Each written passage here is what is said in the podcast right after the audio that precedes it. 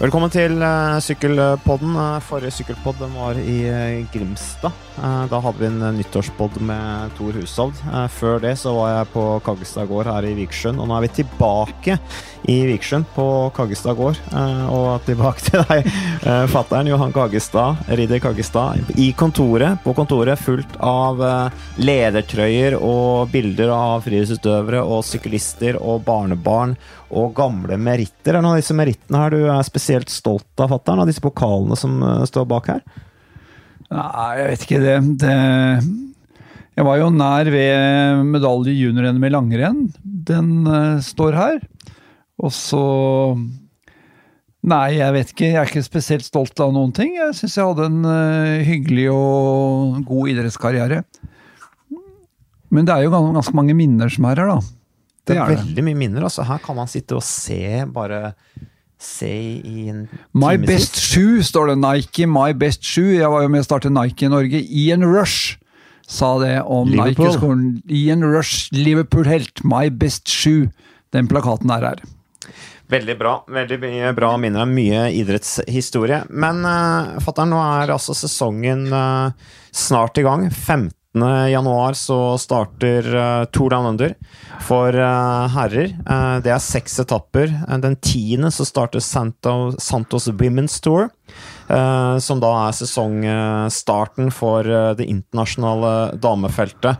Og vi sender jo Tour Down Under på TV 2 med Christian Polske som kommentator. Han er en natte, nattemann. Så han, han tar den. Han har lakenskrekk. Så ikke ta med deg dyna di ned til, eh, til kommentatorboksen, Christian. Klar deg uten dyna di. Det gjør han helt sikkert. Han må bare komme seg ut av dyna og inn i studio. Det er vel det som er uh, utfordringen. Men uh, vi har uh, løypa. Altså det er seks etapper. Uh, Tour Down Under i år, det er litt annerledes, faktisk, enn tidligere. Fordi at det avsluttes opp Vilonga Hill til Jeg har kjørt Tour Down Under to ganger. Og tidligere så har det vært en sånn runde inn i Adelaide. Ganske uinteressant runde. Alle skjønner at det kommer til å bli samla spurt. Ja, Siste etappen, mener du? Siste ja. etappen, ja. Men ja. Uh, i, i, år så avsluttes altså opp Ilonga Hills, som jo på en måte er en uh, klassiker i, i to, to Tour Under-sammenheng hva gjelder stigninger. det er, hva var det du så på Richie Port? Hvor mange ganger har han vunnet opp der? Han har vunnet de fem siste gangene fem ganger opp Vilonga Hills. Så Richie Port er jo selvfølgelig en av favorittene til å vinne Tour de Arne. Har du noen andre favoritter? Uh, ja, jeg har faktisk det, altså. det er jo spennende med et usikkert med et ritt som går såpass tidlig, og det er jo det første World Tour-rittet for sesongen. Men det er jo en lang sesong. Det er jo godt over ni måneders sesong hvis du tar fra det første World Tour-rittet til det siste. Og det er umulig å holde en form toppform så lenge. De må jo ha flere perioder i løpet av en sesong hvor de spisser formen, rytterne. Noen ryttere drar til eh, ritt i Australia for trening. Eh, noen har kommet dit en stund før rittet skal kjøres. Det gjorde vel dere et år også, lå der nede og trente. For å få kilometer i hyggelig klima i beina. Og så er det selvfølgelig noen ryttere som vil ønske å samle worldturpoeng ganske tidlig. Og ikke minst da rytterne fra um, Australia og New Zealand, som er ute etter å markere seg. For det er stor folkefest rundt um, rittet i Adelaide, det kan jo du bekrefte. Ca. 800 000 mennesker ser rittet live langs løypa. Det er jo en uke med en sykkelfestival. Øh, jeg har vært i Adelaide selv, på verdensmesterskap i gateløp. Øh, og opplevde at det er en by med usedvanlig stor idrettsinteresse. Men du skal altså døgnomstille deg, krevende for europeere og andre som kommer langt vekk ifra. Og så er det da denne varmen, og den kan jo du fortelle litt om. Du var vel nesten en av de som besvimte på sykkelen i 2006? Nei, jeg var ikke helt det, men det var andre som besvimte. Og det var jo sjokkerende nok. Altså Når ryttere plutselig uh, kjører av veien og, og, ruller nedover skråningen på en helt rett strekke i 70 km i timen ja, av heteslag, så ja. er det Og det har skjedd i Tour de og I 2006, da vi kjørte da, så var det altså da var det nesten 50 varmegrader eh, på det verste. Og eh, toglinjene slynga seg i sola. Jeg fikk sånn Asfalten, Asfalten svetta. svetta. Eh, Eh, tenniskampene som gikk i forbindelse med Australian Open, de ble flytta til kveldstid. Også den spennende idretten som er nasjonalidrett i Australia, Australian soccer. Det ble, det ble også kampene utsatt med disse skinnmagre syklistene. De skulle altså da ut og svette på varmeste dagtid. Det var, det var ingen bønn for dere, altså. Nei, var, vi var kveget. der fulgte vi oppsatt plan. Reiste ut sånn 12-1-10 var ikke noe kutting av etapper? Nei, eller? kutta ikke etapper. Ut sammen med 12-1-tida på dagen. Fulle etapper, som sagt. Eh, og, og når første rytteren reiser ut, så må jo bare alle følge etter. Ja, det går jo startskudd, så du, får jo lønn for å kjøre òg, så hvis du ikke kjører, får du ikke lønn. Nei, helt riktig, og det er jo sånn at eh, ok, da fikk vi kåra den rytteren da, som var veldig god i den ekstreme varmen. Og sånn, Det er jo alltid noen som takler ting bedre enn andre. Ja, øh, Hva slags solfaktor er det dere brukte når det var 50 varmegrader? Da er det solfaktor 50. Ja, nettopp. Så det, og det er jo arrangørene veldig nøye Der er, der er I Down så er det sånn at arrangørene ha, kjøper inn solkrem til lagene. Nettopp. Eh, sånn at er et, når vi reiste ned der i 2006, sånn, sånn er det fremdeles. Da bruker de Hilton Hotel i Adelaide som base, og ja. det er veldig fint. Ja, jeg bodde der, jeg også. Det er helt strålende. Reiser ned, gjerne ned igjen. Og reiser, da reiser man ned på første klasse, ja. eh, eller altså business class. Kjempebra flytur. Eh, bo på Hilton hotell, og da når jeg og Tor reiste ned der i 2006, så reiste vi rett etter nyttår, så vi var der da i ca. to uker før alle andre. Kjempefint. Fantastisk. Eh, og så eh, er det jo sånn at det er svært telt utenfor Hilton hotell, hvor alle har syklene sine og sånne ting. Vokta Securitas-vakter, utrolig godt organisert. Eh, og der står det solfaktor, blant annet, til alle lagene, da. For arrangørene er kjemperedde for at rytterne skal brenne seg for mye i, i den så. Ja, det er, det er, jo kjempefarlig. Og så er det jo en fordel med rittet, jeg vet ikke om du nevnte det, men øh, dere bor jo på samme hotell hver eneste natt, og det er jo luksus når det gjelder etapperitt. Så dette er jo et ritt som rytterne syns er morsomt å delta i.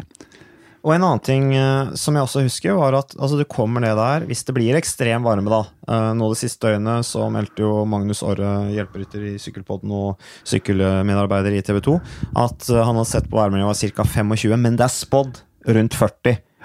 og det er noe som skjer med kroppen når du går over kroppstemperatur da, da, reagerer kroppen på en annen måte. Og, og det, det, det, husker du også fra når du jobba med, med friidrett, at det der med akklimatiseringen, det er jo en kunst. Ja, Vi var der 14 dager før og trente også med, med mye tøy på i Norge for å tilpasse oss den ekstreme varmen som var. Og så vet vi jo at du må disponere løpene på en annen måte òg, for øh, varmeopphopningen eller økningen den gjør jo det at, øh, at du f.eks. går inn i rød sone mye tidligere enn du gjør normalt. Det vil si at på samme intensitet som før, så vil du ha høyere laktatverdier. Og øh, det må du ta hensyn til når du disponerer taktikken din i løpene, f.eks. Men hva er det som skjer rent fysiologisk? Altså, er det ikke noe med at blodårene snevrer seg inn? Og, så du får mindre oksygen da til musklene når det er ekstremt varmt? Jo, og da går hjertefrekvensen også opp. Så det henger sammen. Du er nødt til å tilpasse deg, Og prestasjons... Altså resultatene Hvis du hadde sammenlignet med et, med et løp på bane, f.eks., et maratonløp, så blir jo tidene dårligere jo varmere det er når du kommer over en viss temperatur. Og Det som da er interessant igjen, eh, som vi da var inne på, det var at man gjennomfører Tour de Andør, man sliter kanskje voldsomt i den varme der, presterer kanskje ikke så bra som det man hadde håpa på, fordi at det er jo alle mentalt innstilt på at det kommer til å bli varmt, eh, og mange kjører det rittet bare for å komme igjennom. De som selvfølgelig satser i samme dag, det er enten ryttere som takler det, eller som har forberedt seg på det, som f.eks. Richie Port. Men det som jeg merka når jeg kom hjem fra Tour de Andør, som flere også ryttere sa, det var at når de kom hjem igjen fra Down Under. Og da syklet ritt kanskje en uke etter uh, Etoile Bessers f.eks., Grand Prix Marseille, som er sesongåpning i Frankrike, så var det akkurat som å komme fra et vellykka høydeopphold. Man følte seg lettere, og det, og det er jo litt interessant. At ja, ekstrem varme kan ha den effekten. Ja, det er helt riktig. Altså, det, er, det, er blitt, eh, det, er, eksterne faktorer som gjør det vanskeligere å prestere. Og den eh, belastningen, de eksterne økningen av de eksterne faktorene medfører, gjør at det blir lettere når du kommer til normalt lufttrykk. og normal temperatur. Men uansett så blir det over 40 varmegrader, så kommer det til å bli heftig. Uh, og da er det om å gjøre å disponere kreftene.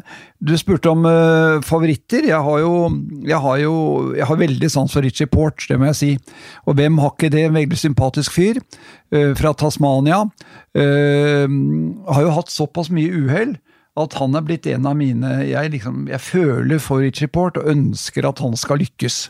Han har vunnet dette rittet før, men for meg eh, kan han være en, en stor favoritt. Ble annenmann i fjor, bak Daryl Limpy, som man ikke skal se bort fra i år. Han kjører jo for et, det australske profflaget Mitchelton Scott Daryl Limpy. Så har du Så vil jeg tro at Rowan Dennis, som ble kåret til Australias beste syklist i 2018. Han er ganske god i sånne bakker som Belunga Hill. Han er ikke noen stor spurter, men kanskje han også får ånden over seg og har lyst til å vinne Tour Down Under. Blir den tolvte australier som vinner dette rittet, fjorårets suverene verdensmester på tempo. Så er det franskmann Pierre Latour, som alltid eh, satser og kjører uansett hvor i verden han er. Michael Woods, bronsevinneren fra VM i Innsbruck. Og så har du en skikkelig outsider fra det nederlandske norske profflaget. Lotto Visma, George Bennett fra New Zealand. Han passer også usedvanlig godt i Willinga Hill. Du har jo også Domenico Pozzovivo er der, Diego ja, Lissi er der. Det er ikke hard nok bakke for han der lille italieneren. Nei, men så har du allikevel ja, ryttere som har i hvert fall vunnet etapper der tidligere, sånn som f.eks. Ulissi, og så har du Luis Leon Sanchez, som ja. ofte har gjort det veldig bra i, i Tour de Ander. Wout Pools stiller, ja. Sky-rytteren uh, fra Nederland. Uh, du nevnte Dennis, som selvfølgelig blir spennende. Og så har du på spurtsiden også Elia Viviani den mestvinnende proffrytteren, italienske mesteren i uh, Doikenic uh, Quickstep, som da kjører Tour Down Under. Det skal bli spennende å se om han fortsetter seiersrekka fra 2018 inn i 2019. Ja, jeg tror han kjører der rett og slett for å starte sankingen av uh, seire for å forsvare den uoffisielle tittelen 'Den mestvinnende rytteren i proffsirkuset' i 2019, som altså ble, som du sa, i 2018. Og så er han ute etter å bygge selvtillit for å vinne Milano Sanremo. Det står jo som nummer én på ønskelista til Elia Viviani. Så, og så har du Petter Sagan som rusler rundt i sivet. Han skal vel kombinere litt eh, solfaktor og trening. Men han er jo så smart og så rå til å matche trening og konkurranser at han vet jo det at um, hans første store utfordring det vil være rittene som kommer i slutten av mars, begynnelsen av april. Og da er det ikke lurt å være i toppform i midten av januar. Men han kommer til å sette farve på én eller to etapper, det tror jeg. Den triple verdensmesteren Peter Sagan. Ja, Ellers så har du jo også Jay McCarty, da, som også kjører i bordet hans Hansgrohe, som kanskje er litt mer på hugget på hjemmebane enn det Peter Sagan er. Vi så i hvert fall i fjor at Peter Sagan prøvde å hjelpe Jay McCarty. Eh, og det er jo på en måte å få bruke de arenaene hvor de rytterne bak Sagan faktisk kan lykkes. Jeg tror Sagan er en type som vil at lagkameratene skal lykkes på de arenaene hvor han selv ikke satser veldig hardt. Ja, det tror jeg er riktig. Og så har du en mann du ikke har nevnt. Det er jo det australske Wonderboy, som han ble kalt. Caleb Ewan, som har vunnet uh, syv etapper i dette rittet før. Og uh, har skiftet lag fra Mitchelton Scott, altså det australske laget, til Lotto Sodal, hvor han gått inn og tatt rollen til André Greipel.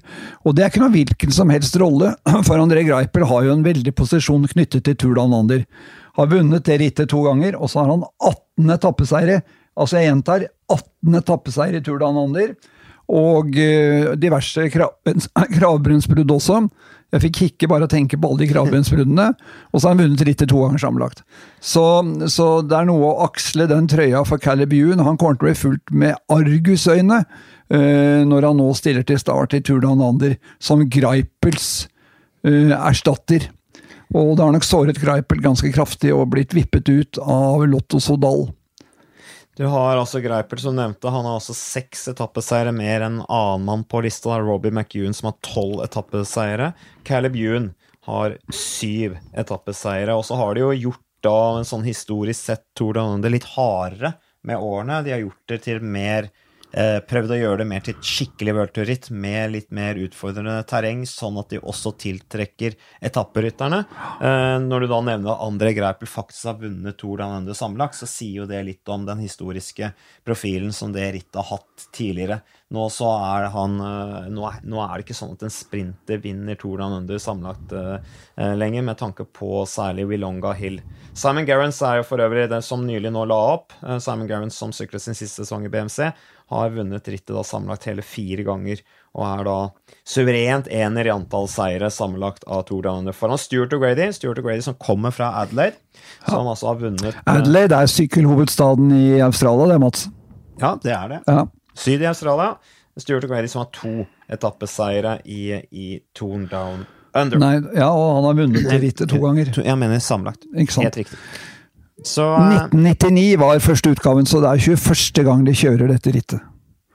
Og på eh, start Vi har nevnt, eh, vi har nevnt de utenlandske favorittene, men vi har også Carl Fredrik Hagen, Sven Erik Bystrøm, Kristoffer Halvorsen og Daniel Holgaard til start. Så det er ganske bra eh, norsk deltakelse i eh, årets første World Tour-ritt. Og hva tenker vi om eh, de norske fatterne? Ja, det er et godt spørsmål. Det er jo, som jeg sier, tidlig i sesongen. Det er vanskelig å vurdere rytterne, men eh, det er lurt å markere seg fra starten på sesongen. og Ikke minst for ryttere som ikke har markert seg så bra i foregående sesong. Eh, Daniel Holgaard er på utgående kontrakt i år. Det er han. Det hender det ringer i telefonen, ja. faktisk. Uh, Daniel Holger er på utgående kontrakt. Jeg syns ikke han har markert seg all verden i Gruppama efter sjø i fjor. Uh, meget uh, solid rytter, men mangler de resultatene som gjør at han er en rytter man snakker om. Og Gruppama efter sjø de styrker jo regelmessig, eller styrker nå kontinuerlig laget sitt med tanke på sesongene som kommer. Spennende mannskap, stort potensial i laget. Og, og, jeg tror at det blir helt avgjørende, skal Daniel Hoge fornye kontrakten sin, at han starter å levere gode resultater. Kristoffer Halvorsen kom med Sky til å følge opp tettere enn i fjor.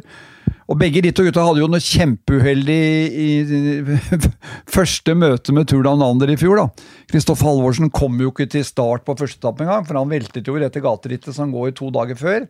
Kriteriumsrittet, og brakk handa si. Og Daniel Holgaard veltet i finalen på første etappe, så han kom ikke til start på annen etappe. Så de to gutta har mye å bevise når det gjelder Tour Down Under. Men igjen, Kristoffer Halvorsen, en av verdens beste spurtere når han er i kjempeslag. Det var han meget sjelden i fjor. Uh, nødvendig å markere seg, selv om Sky sier at de har et langsiktig perspektiv på Halvorsen. Så skal vi huske på det at Sky nå er i en annen situasjon. De har mistet, mister hovedsponsoren sin, uh, og de er på desperat jakt etter en sponsor som har en såpass solid lommebok som det Sky har levert uh, hittil.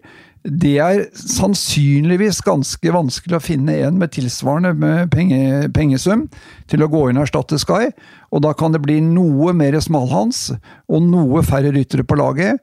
Og det kan være ekstra viktig med tanke på at hvis man vurderer en langsiktig utvikling på, på, for en rytter, i stedet så kan det nå være veldig mye resultatjag for de enkelte rytterne for å bevare kontrakten sin hos Sky. Alternativt gjøre seg lekre for andre lag.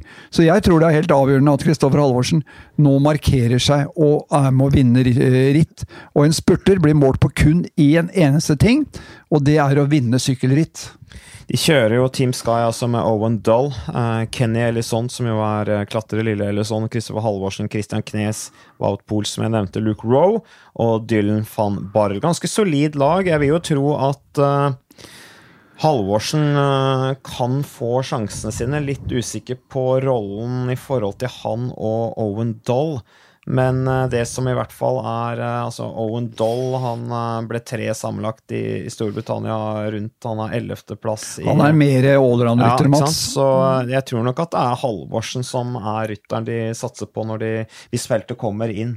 Ja. Og han er bra, burde kunne få bra støtte i laget der, med såpass mye temposterke veteraner, hvis de er innstilt på å hjelpe han, da. Ja, det er de helt sikkert. Sky er jo ganske kyniske, de teller antall seire, de også. Og med det mannskapet der, så er det én som har kapteinrollen på de letteste etappene, og det er Kristoffer Halvorsen fra Kristiansand. Så Owen Dull og Dylan van Barl tror jeg blir viktige for Kristoffer Halvorsen når de skal uh, pløye seg gjennom uh, feltet inn mot de siste kilometerne. Men Kristoffer Halvorsen er jo spurter, så han har jo resultatjag. Det er på en måte det han blir målt på, så det er veldig greit. Ja. Så han må levere fra første tråkk, og det må sannsynligvis også Daniel Holgaard gjøre, som altså er i sin fjerde da, sesong i uh, Francais de Sjø på utgående kontrakt. Uh, og det er jo selvfølgelig mange som uh, som er i den situasjonen, inkludert også Sven Erik Bystrøm. I UAE. Ja. UAE. Kjører sin andre Tour de Lander. Første var for to år siden. Uh, har jo vært den typiske hjelperytteren og uh, ofret seg totalt for ikke minst lagkameraten Sven Erik Bystrøm. Signalene er at han skal gå noe mer for egne sjanser og splitte program i forhold til Alexander. Det tror jeg er lurt. Uh, for sin egen utviklings skyld, i hvert fall. Og han, er, har også behov for å markere seg i ritt denne sesongen. Du lever ikke lenge på å være verdensmester i U23-klassen hvis du ikke har gode resultater. Gudskjelov så hadde Svein Erik en strålende annenplass på en etappe i, på slutten av Spania rundt i fjor. Det hjelper. Etappe, ja. ja, det hjelper. Jelle Valais foran Peter Saga. Det var Ja. faktisk ganske imponerende. Da imponerte Bystrøm og Valais. Altså, da var de i brudd. Det var vel tre eller fire ryttere som var i brudd. Eh, Og da kjørte bare Valais og Bystrøm ifra på slutten. Og de holdt unna for et hovedfelt på en etappe som Altså, det lyste massespurt. Uh, og det var slett kjørestyrke som gjorde at de holdt uh, unna. Så da imponerte Svein Erik Bystrøm. Det er litt bittert at han ikke vant. Ble, ble tatt av Valais på det taktiske. Valais var mye kaldere enn Bystrøm, uh, og, og ble sånn sett eh, slått. Men det var en bra, bra innsats av Bystrøm allikevel, som selvfølgelig i det laget han er i nå, eh, er under eh, stort press. Han kjører jo da Tour Down Under med Rory Sutherland, som jo også er en typisk eh, hjelperytter, kommer bl.a. fra Movistad hvor han tauet mange mil. Ivo Leveira fra Portugal. Eh, Jasper Philipsen, en av disse stortalentene fra Ja, man vant en etappe i, i dette rittet til Uno X oppe i Lillehammer-traktene. Siste etappen der. Eh, Gylne gutter, som Yes. var et fantastisk sykkelløp. Og så har du Tadjej Pogakar Pogacar fra Slovakia. Ja, han er strålende, vet du. Vant, vant ikke han Tour de l'Avenir i år, da? Det kan nok eh, Det kan du sjekke. Kan Det mener jeg at jeg husker. Han For han er- Tymen Arendsmann fra Nederland. Og, nei, så han er jo et av de virkelig store talentene. Det skal bli spennende å se hva denne 20-åringen eh, leverer. Og så eh, er det altså eh, Jan Polank, eh, som jo begynner å bli en veteran, og Diego Ulissi, som også er en veteran som eh, vi skal se opp for en type ritt som Tour Down Under har jo etappeseier tidligere også. Han kan, vinne, han kan stå på pallen sammenlagt. Helt klart. Ja, det skal bli spennende å se. Men tilbake til Sven Erik. Jeg har veldig sans for Sven Erik som rytter, men jeg tror nå det er viktig at han nå utvikler det som var det han var god på som U23-rytter, og det er å kjøre mer egne sjanser. Altså gå i de i brudd som har sannsynlighet for å holde inn til mål. At han da ikke blir bundet opp til å være hjelperytter på samme måte som han har vært så langt i proffkarrieren sin. Det er litt farlig det her når det kommer inn i et lag. Altså Han blir med Alexander Kristoff. Eh, Kristoff tar han inn på en måte inn i varmen. Eh, og så kommer du inn der som du er U23-verdensbeste, inn i Katusha. Hadde en bra førsteårssesong i Katusha, syns jeg. Sven Erik Bysund viste at han takla det. Men så er jo da spørsmålet liksom Er han bare sånn i sitt hode mentalt innstilt på at han bare skal være hjelperytteren til Kristoff og kjøre mest mulig med Kristoff og bare kjøre for han? Eh, Eller er han der for å utvikle seg med tanke på sin egen karriere, også rent resultatmessig? Og der tror jeg, som du nevnte også, fatter'n, at dette her at han, de skiller Kristoff og Bystrøm litt, det tror jeg kan være sunt. Eh, Og at også Bystrøm får litt mer press på dette med resultater, for det er jo litt sånn tillit i det òg. At du får tillit til at prøv å kjøre for egne resultater. Du er tidligere U23-verdensmester. Kapasiteten har du. Du ble to på en etappe i Spania rundt. Og at han har det i seg til at han plutselig kan stå øverst på pallen i en eller annen etappe, eller et eller annet, det ville jo vært viktig, og da har han jo også det derre Hvis han bare vinner litt og får litt resultater, og så har du da i tillegg den linken til Kristoff, så er det klart at da, da, har han, da, da er han godt på vei til å sikre et par år til av karrieren sin, tenker jeg. altså. Ja, jeg tror det, er, tror det er helt riktig, men eh, så Svein Erik. eh, Beskjeden fra oss to her eh, som sitter ute i isødet på Vikersund, det er at nå må du gå for egne sjanser. Gå for gull. Gå for gull, ja. For han, er altså, han har jo et kjempepotensial, og de gangene han vinner, få gangene han vinner sykkelritt, så har han vært med å gå har han gått alene, stort sett, eller en bitte liten gruppe. Han er jo også en veldig dårlig avslutter, da, generelt, Svein Erik Bystrøm. Men eh, jeg er veldig sans han, ønsker han lykke til. Så er det sistemann. Det er debutanten Carl Fredrik Hagen. Lotto Sodal. Du kan være helt sikker på Carl Fredrik, at det er ikke du som kommer til å være mest i fokus i Lotto Sodal i Tour de Under. Det er Calibune. I aller, aller høyeste grad. Du skal tilpasse deg sirkuset, og du skal gjøre, bli helt sikkert målt på hvordan du gjør jobben underveis for at Calibune skal komme i posisjon til å lykkes på én eller flere etapper. Hvem er sammenlagtmannen i dette Lotto Soldal-laget da, Mats? De har jo Thomas, Tomasz Maszinski fra, fra, Polen i Lotto Sodal. De har Thomas de Gent, men det laget der, altså med Caleb Ewan, eh, Blythe, eh, Maszinski, Hagen, Adam Hansen, Roger Kluge og Thomas de Gent lykt, De kommer til å være der, tror jeg, for å, å primært jobbe for Caleb Ewan. Ja, og så er det en mulighet for Carl Fredrik, og det er Vilunga Hill. For det kommer ikke til å være tappet for Calibuen, så der kan han få kjøre for egne sjanser. Rett og slett eh, at der blir alle gutta fristilt. Eh, gi blaffen i Calibuen, og kjør så fort dere kan alle sammen. Så vårt tips da til Carl Fredrik Hagen det er at du gjør jobben du skal med å taue og dra for Caribbean. Det blir sikkert litt jobbing der. Eh, også hente solfaktor. Og, men, og, det blir sikkert mye flaskehenting. Ja. Det må du gjøre. Altså det ble opp og ned av den servicekøen i ett sett. Eneste rittet jeg har sykla hvor vi gikk tom for flasker, det var det Tour de andre. Vi, altså, vi gikk rett og slett tom for drikke, og det var jo heller ikke noe Hva gjorde du da? Stoppet på kafeer? Nei, det var det krise. Rett og slett. Vi måtte få fra andre lag, og det var ikke noe særlig ålreit. Men, eh, men eh, Og syk, ikke sykk på for tunge gir. Carl eh, Fredrik Hagen har en tendens til å sitte og gampe litt, syns jeg, på litt tunge gir. Hvis du skal sitte og kjøre mye i front av feltet for Calibuen, Tenk på Velonga Hill på denne siste sjette etappe. Spar beina dine litt, for der kommer du til å få frirolle. Ja, det har jeg også sagt.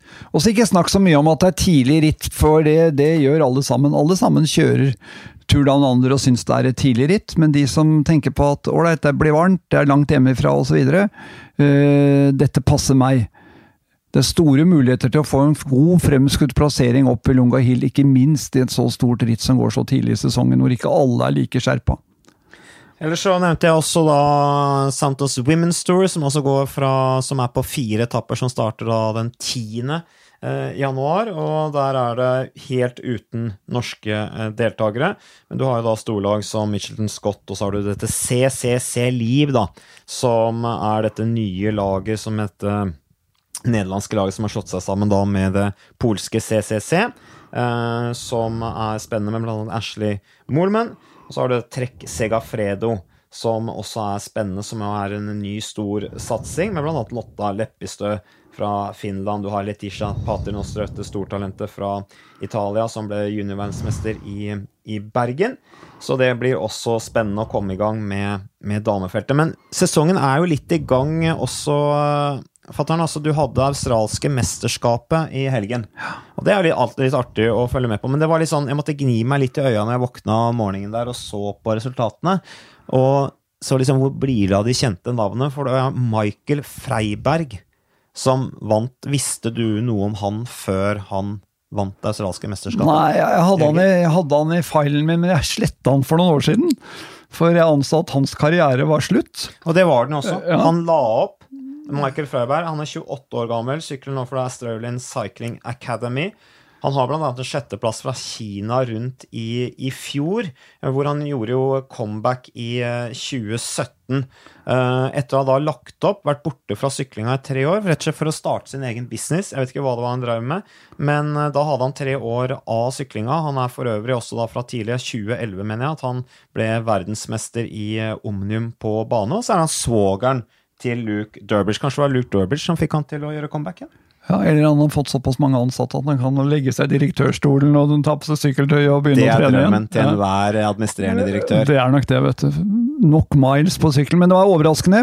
Og så var det jo litt uh, trist da at Cameron Mayer etter mange medaljer ikke lyktes i år heller når det gjaldt å bli australsk mester. Nei, Cameron Meyer var helt på gråten han etter å ha tatt den bronsen i det australske mesterskapet. Så sympati til Cameron Meyer. Eh, du kan være litt irritert, fordi Michael Freiberg falt faktisk var av han og kom tilbake. Eh, og, og snøyt da Cameron Meyer eh, for, for seieren. I tillegg så kan vi nevne da Chris Harper, som også har unngått Team Bridge Lane, som da ble nummer to. Så det ble litt sånn overraskende podiet i det australske mesterskapet i herreklassen. Og så hadde vi da en ny skrell i dameklassen med Sarah Giganti, som eh, er bare 18 år, altså første år U23, som vant foran Amanda Spratt, som kjører for Michelin Scott, og Sarah Roy, som også kjører for Michelin Scott. Og denne ungjenta Giganti hun ble nummer 15 i det individuelle temporittet i i Innsbruck da i juniorklassen, og er også dobbelt australsk juniormester i fjor. Vant også Oceania-mesterskapet for junior i 2018. Så se opp for denne Sara Giganti, som altså skal kjøre med den eh, nasjonale mesterskapstrøyen elite for elite på uh, denne, denne, sesongen. Kan også nevne nasjonale mesterskapet i, for, fra New Zealand, fatter'n. Eh, James Fosh, 20 år gammel, sykler for Team Wiggins. Vant da både U23-klassen og eliteklassen, for Fush er bare 20 år gammel. Og da sier reglene at det er han som skal sykle med denne mesterskapstrøya da denne resten av sesongen. Så vi får ikke se den i worldtouren. Bak seg så hadde han worldtour-rytterne Tom Scully, som ble med tre, og Patrick Bevin, som ble med fem, og George Bennett, som vi nevnte som en av favorittene til Tour Down Under, ble nummer sju, denne Lotto Visma-rytteren. Ellers så eh, er det jo uh, ny sesong, nye muligheter. Uh, det er altså 61 førsteårsproffer i uh, 2019. Vi har snakket om en av de, Carl Fredrik Hagen. Ca. 30% av feltet har byttet lag etter fjoråret. og en av de som ikke bytter lag, det er Tom Dumoulin, 28 år gammel. han har jo nå sagt at han går igjen for Giro Tour. og hva tenker du om det, fatter'n? At han eh, igjen satser på giroen, og så skal satse på Tour de France? Han klarte jo ganske bra i 2018. Ja, det var imponerende det han gjorde eh, i Tour de France etter å ha blitt nummer to i giroen. Eh, det jeg er litt opptatt av når det gjelder Tom de Moulin, det er jo det at han er nok ganske hektet opp i at skal han ha mulighet sammenlagt, så må det være nok tempokilometer. Og det syns han ikke det var i Tour de France i år. For jeg tror intensjonen var at, opprinnelig at han skulle prioritere Tour de France i år, og det gjør han altså ikke. Han prioriterer Giro d'Italia. Uh, men kommer til å kjøre turen også. Uh, det er kort uh, avstand mellom de to rittene. Og man slites jo ned gradvis gjennom en lang idrettskarriere. Og den doblingen i fjor, den kan faktisk sitte i år også. Han klarte det eksepsjonelt bra i fjor. Hadde jo, var også uheldig på en etappe i Tour de France i fjor og kunne nok truet Garin Thomas enda mer enn det han gjorde. Men uh, det skal bli spennende å se om han lykkes i begge rittene. I hvert fall så er det giroen han satser på. Uh, han sier også det, vi snakket om det før vi gikk på podkastlufta vår, at han i 2020 sannsynligvis da satser på Tour de France. Det kan jo være et signal til løypedesignerne i Tour de France at nå får du jaggu meg finne frem nok tempokilometer for å få meg på startstreken. Ja, jeg vet liksom ikke hva det er for noe som gjør at han uh, så til de grader Nå har han vunnet giroen, da, så han har kanskje litt spesielt forhold til giroen nettopp pga. det, men jeg vil jo tro nå så Tom Dumoulin han er 28 år gammel. Han begynner å nærme seg kanskje toppen av karriera sånn rent fysisk. Eh, og en dag så må han jo gå all in på, på, Tour de France. Så kan man kanskje si at han går sikkert all in på Tour de France når han blir nummer to der i 2018, men kan det ha gjort at han også mangla det siste lille spruten som skulle til for å ta Garen Thomas, eller hadde han blitt nummer to uansett? Ja, Det får vi aldri vite. Jeg tror at uh, sannsynligheten for å lykkes hadde økt om man hadde spesialforberedt seg til Tour de France. Det tror jeg. Men det var imponerende det han klarte med en dobbel, og så får vi bare ønske han lykke til i giroen. Og på meg virker det som noen ganger at de rytterne som innerst ikke tror at de kan vinne Tour de France, de går for de andre, i Spania rundt eller Giro d'Italia. Uh, men uh, så vi ønsker Tom de Vola, fantastisk rytter som nok også fikk seg en liten smekk under årets VM i Innsbruck. da han eh, så at han var nesten halvannet minutt bak Rowan Dennis på tempoen. Det tror jeg også har gjort noe med hans eh, planer fremover. Han har vel innsett det at det å, det å vinne tempoen i OL i 2020 som jeg tror han var, har vært et realistisk mål for han, det blir ganske krevende med Rowan Dennis. altså. Han uttalte jo også nå nylig, det var i helgen, til uh, eller uh, den nederlandske avisen, at, uh, at han kommer til å prioritere Tour de France i 2020 foran OL i Tokyo. Forberedelsene til Tokyo-OL blir, det blir krevende. Der kommer det til å bli ekstremt varmt. Og sånn sett så, så, er det noe med Det er litt som jeg skrev på, på Twitter også i helgen, når jeg refererte til den artikkelen, at for proffene så er faktisk OL bare et, uh, et ekstra sykkelløp i en allerede hektisk sesong, uh, og man prioriterer. Og hvis da Tour de France passer Tom Demalay i 2020, så er det det han kommer til å å, satse på foran spesialforberedelser til Tokyo. Og det er sikkert en eller annen der som kommer til å droppe Tour de France for å spesialsatse på, på Tokyo. Uh, og sånn sett så må man bare da, for de rytterne som kjører Tour de France, så må de da bare satse på at det de gjør, holder til å også lykkes under de ekstreme forholdene i, i Tokyo. Ellers er det jo uh, interessant å se litt på, uh, på Skulle du si noe mer om Tom Dumoulin? Nei, jeg har ikke Thomas vant jo med 1,51 foran Dumoulin i fjor, så, så, det var jo en suveren seier til Garion Thomas. Spennende å se med Garion Thomas. Han har jo flagget at han skal satse på denne klassikerne. Han skal også satse på tempo under VM i Yorkshire. Så han sier at uh, det er viktig å prioritere VM i Yorkshire. Det kommer til å bli en fantastisk folkefest. Og nordmenn, bare bestill billetter til Yorkshire. Vi husker uh, Tour de France i 2014, de to første etappene. Totalt fire millioner mennesker live langs løypa på de to etappene. Det kommer til å bli ellevilt i Yorkshire. Ellers er det noen spennende overganger. Vi var litt inne på, på oversikten. altså Rundt 30 av feltet som har byttet lag eh, før årets sesong. André Greipel har vi vært litt inne på i forbindelse med Tour Down Under. Eh, skal altså kjøre for da Arkea Samsic, som det heter. Ikke Fortoneo Samsic, men neste, eller denne sesongen så blir det hetende Arkea Samsic, som vi også snakket litt om på eh, forrige sykkelpod med Tor Hushovd. Tony Martin uh, over til Jumbo Visma kommer til å bli en kjemperessurs der, tror jeg, for å hjelpe de i sin jakt på uh, særlig etappe, uh, etappeseier, og ikke minst lykkes enda bedre i sammendraget. Klatre ja. noen plasser i f.eks. Tour de France, hvor de ble fire og fem. Spania rundt, hvor de ble nummer fire med, med Kreuzberg. Kreuzberg som ble fem i Tour de France, og så var det Eh, til oh, Roglic. Roglic. Han ble med fire i Tour de France. Uh, Roman Kreuziger og uh, Gaspar Otto nå. Mm. Tony Martin er også spesielt hentet til uh, det norske laget, altså Lotto Visma. Uh, norske gåseøyne. Fordi han skal styrke laget på lagtempoen i Tour de France. Ja. Og det kommer til å bli litt av en maskin å kjøre i front der. Så der har de noen sekunder å hente, Kreuzweig og Roglic. Men så skulle du si noe om Dimension Data. Ja, altså det har vi også snakket om på forrige podden. Kreuziger, Gasparotto som går til Dimension Data. Og Valgren. Valgren, ikke minst, som skal kjøre Tour Down Under.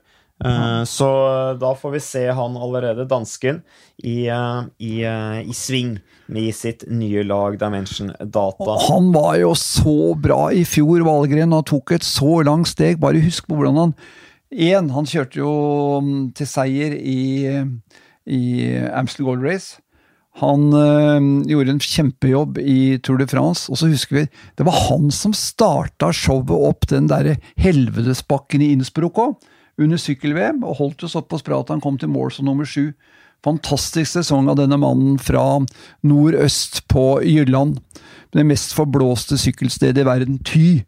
Der kommer Mikael Valgren fra. Så, han kan dette med å bryte vinden. Ja, han kan det. Og da har du altså Kreuziger, Gasparotto og Valgren tre mann de sto på pallen alle tre i fjor, gjorde de det, i Amstel Gold Race. Stemmer. De er nå hentet til Og Gasparotto har vunnet det to ganger. Eh, de er nå hentet til Dimension Data. De sier meg noe om at eh, kapteinrolle i det rittet der, Edvald Boasson Hagen, da skal du ha den strålende vårsesong. Det blir spennende å se en utvikling. Ellers er det noen sånne eh, overganger som vi kanskje ikke har snakket så mye om sett med norske øyne. Vi har jo gått mye gjennom dette med Dimension Data, UAE osv.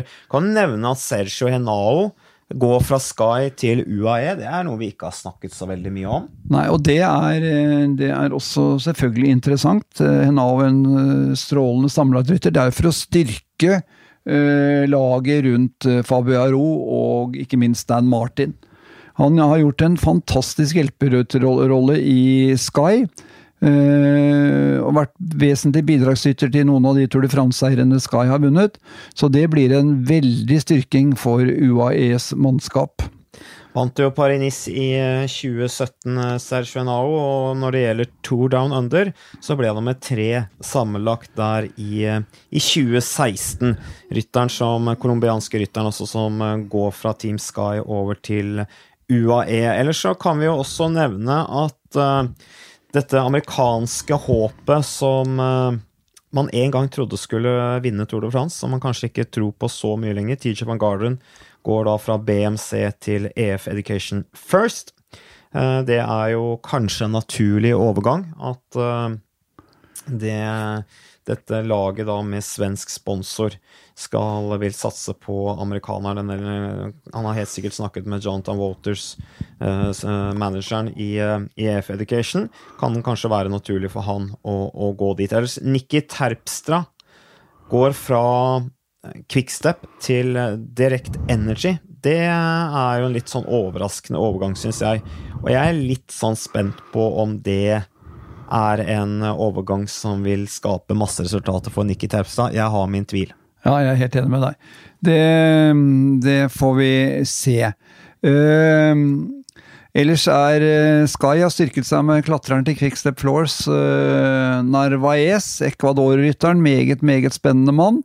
Uh, skal sikkert være hjelperytter for, for Bernal i Giro d'Italia. Uh, andre som jeg har merket meg, det er siden av Dimension Data, som har styrket laget sitt også med Nisolo, meget god spurter. Uh, BMC ble jo lagt ned, så da var det mange strålende ryttere som da ble ledige på markedet. Port har gått i trekk. og så har du Isagiri-brødrene, som har gått fra Bahrain Merida til Astana. Det er også en, en interessant overgang, syns jeg. Og så har, har, Tyskland en meget, meget lovende rytter i Maximilian Schackmann, som i fjor vant ritt for Quickstep. Han er nå under vingene til Peter Sagan og vil jo styrke Peter Sagans opptrekkslag meget, meget, meget mye. ja, si men jeg er sånn. litt usikker på det, fatteren, hva de egentlig kommer til å bruke sjakkmann til. For at sjakkmann, den som Det er litt det, det er eget tema, det der. fordi at Bora Hansgrohe med Peter Sagan som suveren kaptein Når de henta sjakkmann da fra Quickstep, sjakkmann som er et av de store talentene fra Tyskland, kan vinne mye. Uh, han blir jo henta til Bora for å styrke den tyske profilen i Bora Hansgrohe. Uh, og det som er, er at Sjakkmann skal kjøre giroen i, i, årets sesong. Og dermed så tar han den plassen foran Sam Bennett, iren, som tross alt vant tre etapper i, i fjorårets Giro Italia. Han blir altså da fått beskjed om at han skal satse på andre ting. Og Sam Bennett, jeg har hørt noen intervju med han, eh, og han er ikke spesielt happy med det. Han er veldig åpenhjertig når han sier at han er skuffa han forstår laget at de gjør som de gjør, men han er veldig skuffa og kan ikke skjønne at det går an å legge inn noen bedre søknad til å kunne kjøre giroen igjen, når du har vunnet tre etapper der og er den eneste som virkelig kunne utfordre Elia Viviani eh, i Italia rundt, og det er et ritt han har lyst til å kjøre igjen. Og så føler han da at Sjakkmann kommer inn der, tar den plassen fra han, kun pga. det på en måte politiske, eller rundt det strategiske som handler om, om sponsorarbeid å gjøre. Så det Sagan skal kjøre Tour de France.